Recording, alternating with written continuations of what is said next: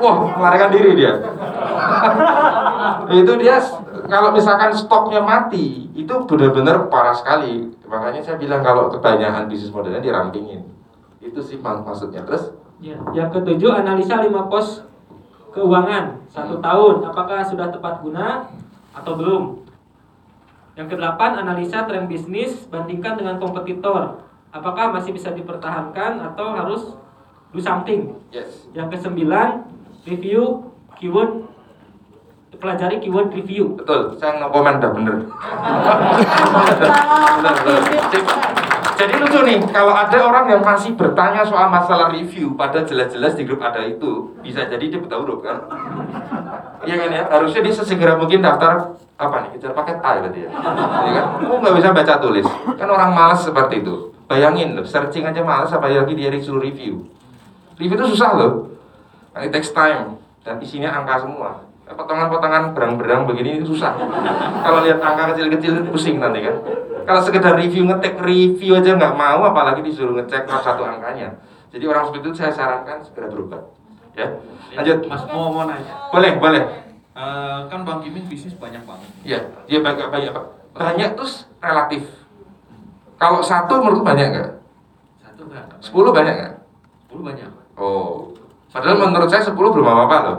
Bisa jadi menurut orang lain 100 bisa banyak. Jadi konteksnya jangan banyak atau sedikit.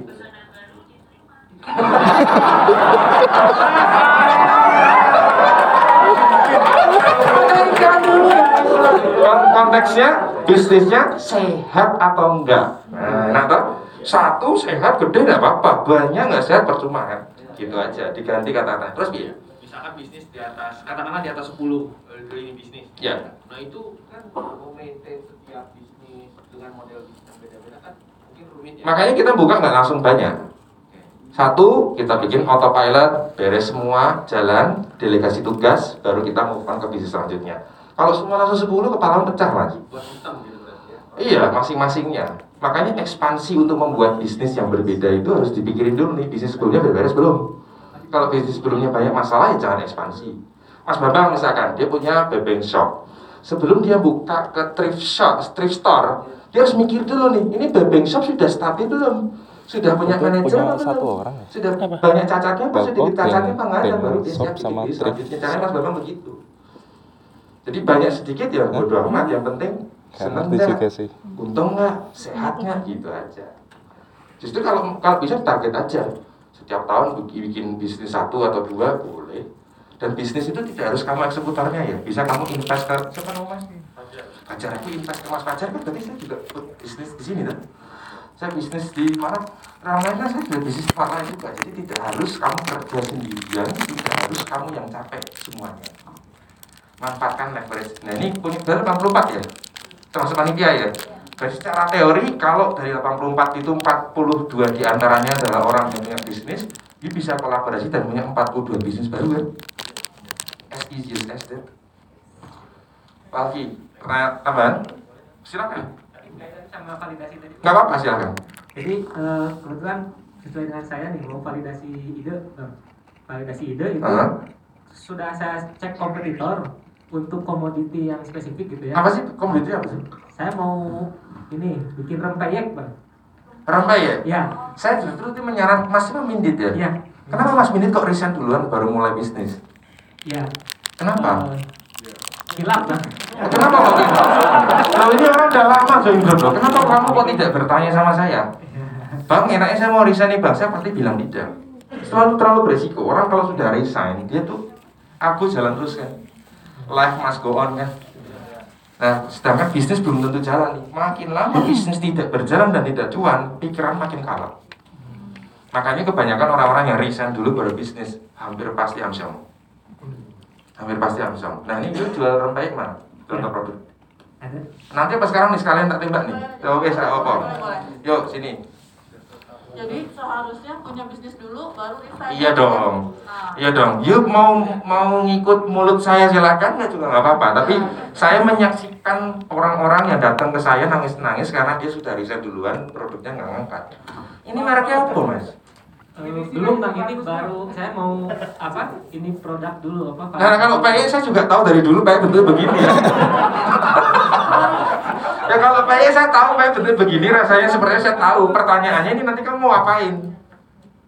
Kalau seperti ini kamu sudah berani resign, ini bukan soal masalah kamu nyali atau nggak nyali, ini kamu waras apa enggak mas? Ini kalau begini sudah resign, ini ngeri loh, ini baca ini loh. Ini ngeri loh. Nah ini terus gimana cara jualnya nanti? Ya, jadi ini saya buat produk seperti eh, Zanana itu bang. Terus bentar, bentar. Oke, kamu udah join grup udah lama loh ya. Saya ingat namamu udah lama loh ya. Kenapa kok orang harus beli ini? Lihat teman-teman, cara dia jawab. Kenapa orang harus beli ini? Kenapa harus beli ini? Sudah di grup kan materi wajib ya. Berkali-kali sampai mulut saya keseliu saya ngomong gitu terus kan. Apa alasannya kenapa orang beli ini? Karena ini nanti kan kemasannya itu bisa dibawa dalam eh, Memang ini nggak bisa dibawa traveling? Bisa kan dimasukin tasnya bisa, beres traveling ini. Saya traveling sekarang kan. Bisa kan? Kenapa kok saya harus beli ini? Kenapa? Alasan itu kamu harus jawab. Satu kalimat saja cukup. Nggak bisa, bangkrut sampai. Dimasak oleh mbak-mbak 100 tahun. Nah, itu masuk akal, objektif dia. Yang masak mbak Mbak 100 tahun. Kalau 100 tahun tiap hari makan ini aja nggak mati kan, berarti sehat. Bener, pinter tuh Bang Amin tuh. Objektif kan. Nah ini apa kelebihanmu? Nggak punya. Berarti kamu nekat. Udah, udah nikah belum? sudah. Kamu nggak kasihan sama anak istrimu? Soalnya ini bahaya mas, kalau begini mas ini bisnis nggak ngangkat. Mas Tito, mau nggak jadi resellernya ini? Kenapa kok kamu tidak mau alasannya apa? Banyak juga kan? Hampir setiap warung pengkolan ada rempeyek kan? Kenapa harus main itu? Jadi gak cuma resign nyali doang, otaknya dipakai.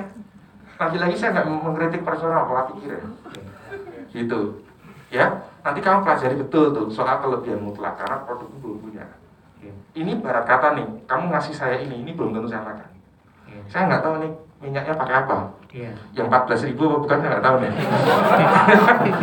kan nggak tahu saya kan. Nggak tahu kan. Bikinnya kapan juga saya nggak tahu. Ini PIRT juga nggak ada, ingat loh ya. Yang begini-begini itu oknum-oknum paling sering nih. Meresin kamu, hati. Jualan di online shop salah, sikat. Oke, lanjut ya. Iya. Nanti lanjut lagi ya. Oke, lanjut. Silakan ke meja. Oke, yuk silakan.